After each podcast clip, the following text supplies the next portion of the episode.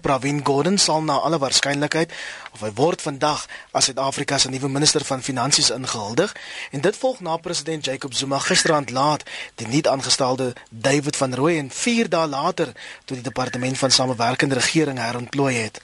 Van Rooyen se aanstelling in die plek van Nhlanhla het die ekonomie minstens 169 miljard rand gekos.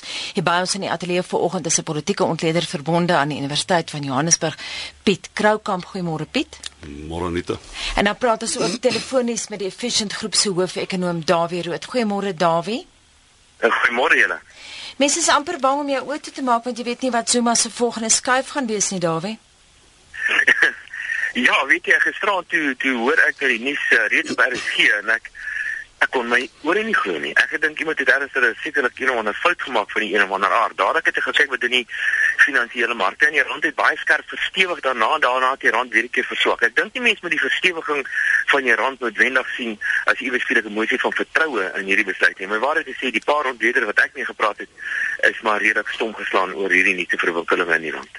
Piet 'n de facto erkenning van 'n groot fout?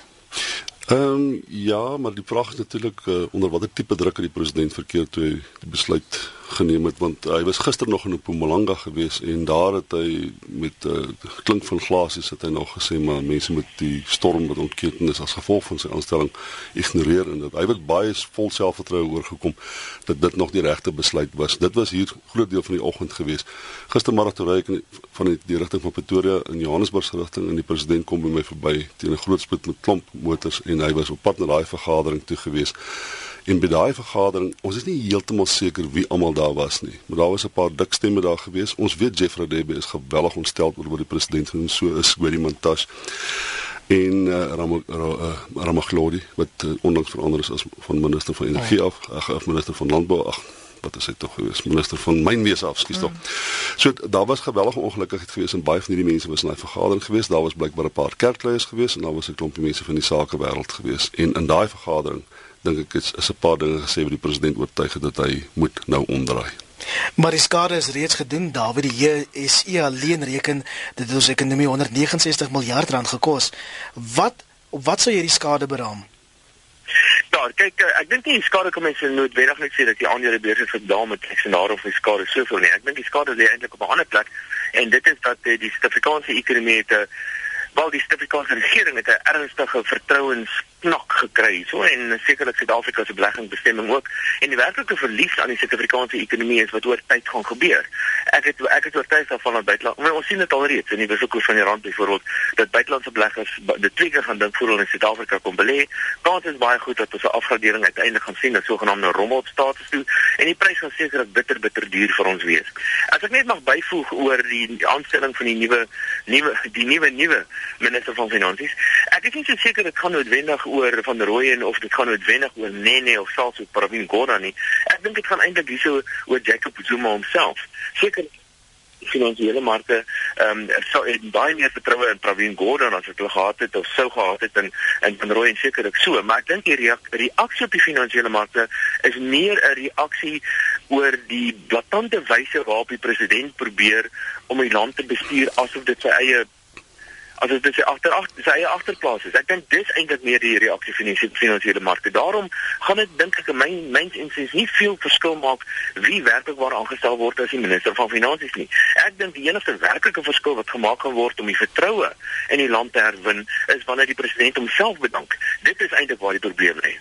Ons weet die rand het hier teen die dollar na die groot aankondiging verlede week verhandel teen omtrent R16.39 op die oomblik R15.20 vir 'n dollar.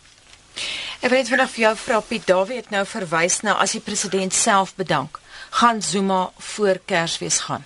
Nee, dis nou ek dink nie is by die stadium enige indikasie dat hy noodwendig sal gaan nie dat die president baie baie verswak is. Dit is inderdaad so om die waarheid te sê, die omkeer wat hy moes gemaak het is 'n indikasie daarvan dat daar genoeg kragte en uh druk van dit uh, buite die uh, ANC is uh, binne die sake sektors en waarskynlik in die toeliehuis is om uh, om die presidentsie van sy opinie te laat verander maar een van die goed wat ek jammer is dat die sake sektor of die sake wêreld Suid-Afrika nou nie baie krediet voor gaan gee nie. Jy gaan dit nou nie sien in die rand se waarde nie. Is daar is nie baie lande in die wêreld nie. Daar's nie baie demokrasie in die wêreld waar so radikale besluit deur die president deur absoluut die uh openbare mening omgedraai geword het. Net nou as uh, jy, dit kon baie maklik gewees as president Jacob Zuma regtig baie sterk was, sou hierdie ding deurgevoer het met gemak. Ja. Die feit van die saak is dit is die burgerlike samelewing wat wat wat daartoe gegaan het en wat dit omgedraai het. As jy kyk wat besigheid Suid-Afrika het omtrent niks daaraan gedoen nie. Hulle het werklik stil gebly. Hulle groot probleem is dat hulle soveel swart bemagtigingskontrakte het. Hulle kan nie gaan teen die helfte van die van mense wat op hulle rade uh, sit nie. En dan word hulle nie 'n direkte uitspraak gemaak uh uh, uh, uh teen wat uh, Jacob Zuma gedoen het nie.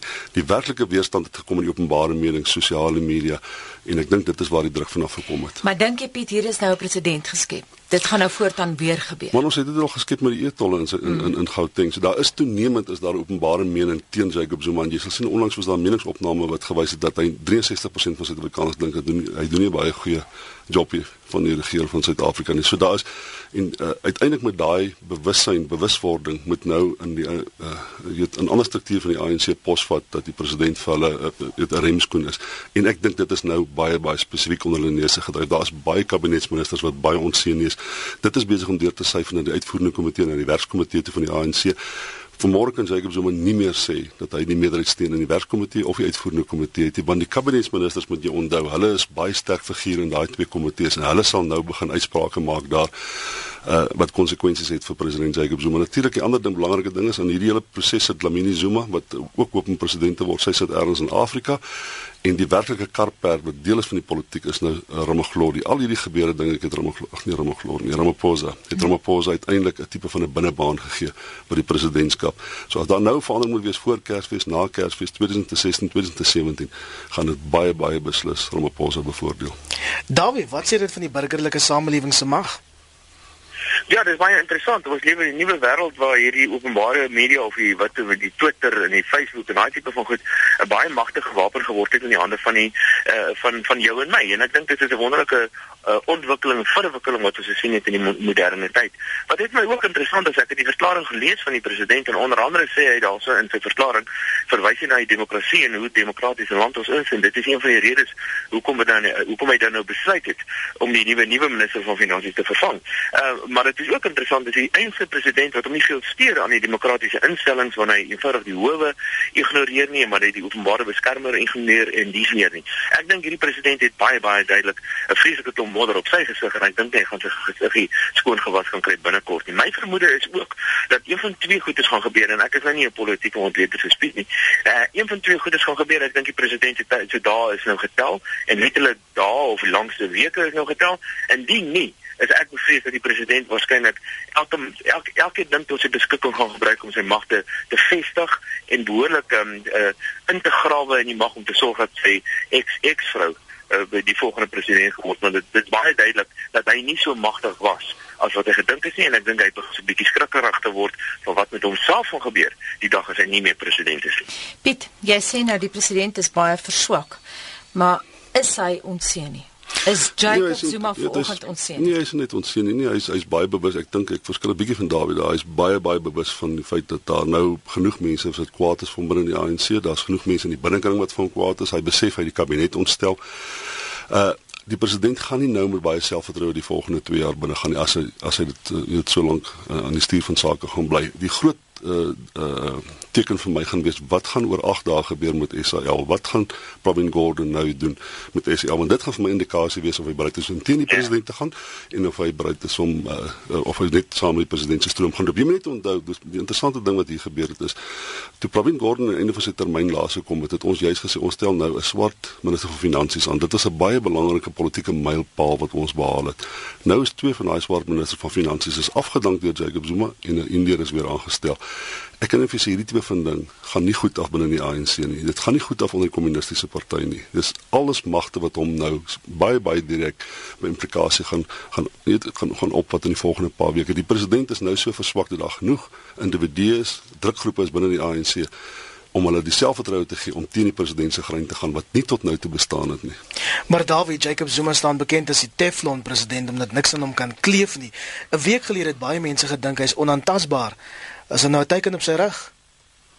Ja, maar ek reken so. Soos ek gesê het, wat hulle like Piet sê met my saam nie, maar ek dink hy het so hy het so geweldig verswak dat hier 'n goeie kans is dat daar kyk ons het net een nog 'n nuwe krisis hier nodig. Stel jy nou voor vanoggend as Pravin Gordhan nou ingesweer moet word as die nuwe minister van finansies en hy sê hy besluit om nie meer minister van finansies te wees nie. Dan moet dan dink ek dit is die einde van die Zuma kaarte kaarte.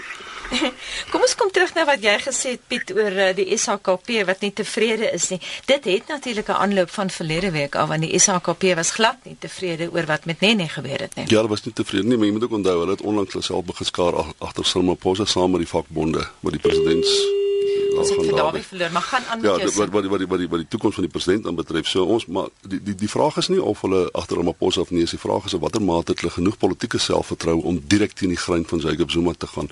Selfs met die minister van finansies. Jy moet onthou Pravin Gordhan toe hy minister was, baie van die oorbesteding in die staat het op dit het gebeur tydens sy uh, uh, uh, posisie by die minister as minister van finansies. Dieselfde het gebeur uh, wat betref in Kandla. So dis nie asof uh, Pravin Gordhan baie sterk politikus was nie. Hy was in feite waar te sê hy was 'n baie goeie birokraat, 'n baie goeie administrateur gewees.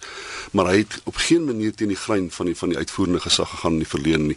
Nou sal daar van die lede in die kabinet van hom verwag word om as dit ware teen die grein van die president te gaan. Jeffrey Debe, Cyril Ramaphosa, uh in 'n Ramaglori sal hom aanmoedig as dit ware om meer effektiewe bestuur toe te pas, om staatsbesteding te beperk, om spesifiek besluite te neem wat nie noodwendig populêr is by die president nie. En gaan hy die ruggraat hê? Die vraag is die vraag is nou en ek dink hy gaan ook sit en sy somme maak en hy gaan sê, het ek genoeg steun in die uitvoerende gesag binne die kabinet om besluite te neem waarmee die president nie noodwendig baie tevrede gaan wees nie.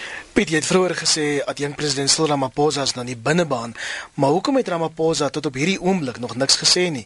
Want ons weet nie wat hy gesê het nie. Net een ding onthou, hy sal nie in openbaar sy uitsprake maak nie dit gaan uh, of hy gister by die vergadering betrokke was en wat daar gesê is gister en dit gaan oor binnegesprekke. Baie van die politiek gebeur in binnegesprekke. Dit gebeur in uh, teekamers, dit gebeur in raadsale wanneer die meeste mense geloop het en 2 3 bly agter.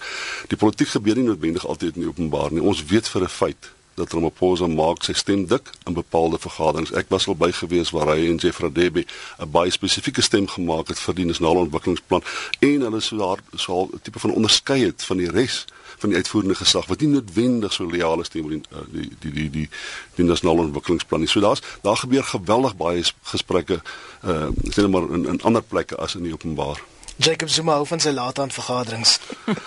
Wel, ek ek hoop daar's nog een voor. Kom ons kyk 'n bietjie na wat jy gesê het uh oor jy praat nou van um, mense wat hulle stemme dik gemaak het. Jy het vroeër gesê dat Jeff Gadebe glad nie gelukkig is nie. So ook Weddy.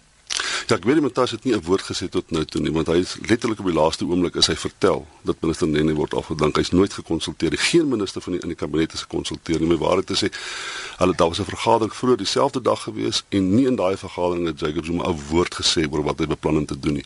Die meeste van daai mense is met 'n broek op hulle knie gevang laat namiddag toe toe, toe president Zuma daai aankondiging maak. En in die verlede was dit so gewees almal het aanvaar die president se besluite word nie betwyfel nie. Veral as dit gaan oor die aanstelling van die kabinet. Tot hierdie keer het is nou is daar 'n bewussyn dat dit skade kan berokken. Dat die president het sy vryheid solank as wat hy die eed van sy amp eerbiedig. Solank as wat hy sê ek sal die land Suid-Afrika beter regeer as die vorige keer. Beter regeer as wat ehm um, as as as wat ons natuurlike swakhede is. En hy het hierdie keer dit afgewyk. Daar was 'n duidelike teken van almal dat dit wat hy nou doen berokken Suid-Afrika skade en op 'n siniese manier. Nie op 'n mm. dit was nie 'n beleids uh, wat so, as jy kyk na die nasionale uh, gesondheidsplan van van minister Aaron Motsoaledi nou. Dit gaan ook Suid-Afrika skade belokken. Maar mense dink hy probeer Suid-Afrika beter plek maak daardeur. Dis nie 'n siniese aftakeling van Suid-Afrika nie. Daar's baie beleid beleidsvoorstelle wat baie keer negatiewe konsekwensies vir Suid-Afrika. Maar wat is die intensies daar agter? Hierdie keer het almal redelik uh, konsensus binne die kabinet, binne die ANC, by die kommunistiese party in die vakbonde dat hierdie was so sinies geweest dat dit 'n doelbewuste poging is om Suid-Afrika skade te berokken. Max de Pre het verlede week al vir die huidige verwikkelinge het hy al verwys na 'n uh, paleisrevolusie.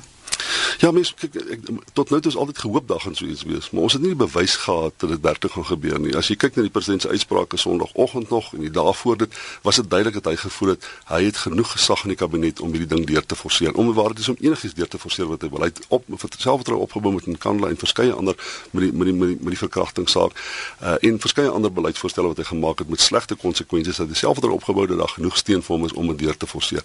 Hier is die eerste keer wat hy nou werklik sien hy het nie meer die steun van die mense rondom hom nie. Vir ek kan nou vir jou sê ja, gaan Vrydag 'n kabinetsvergadering wees.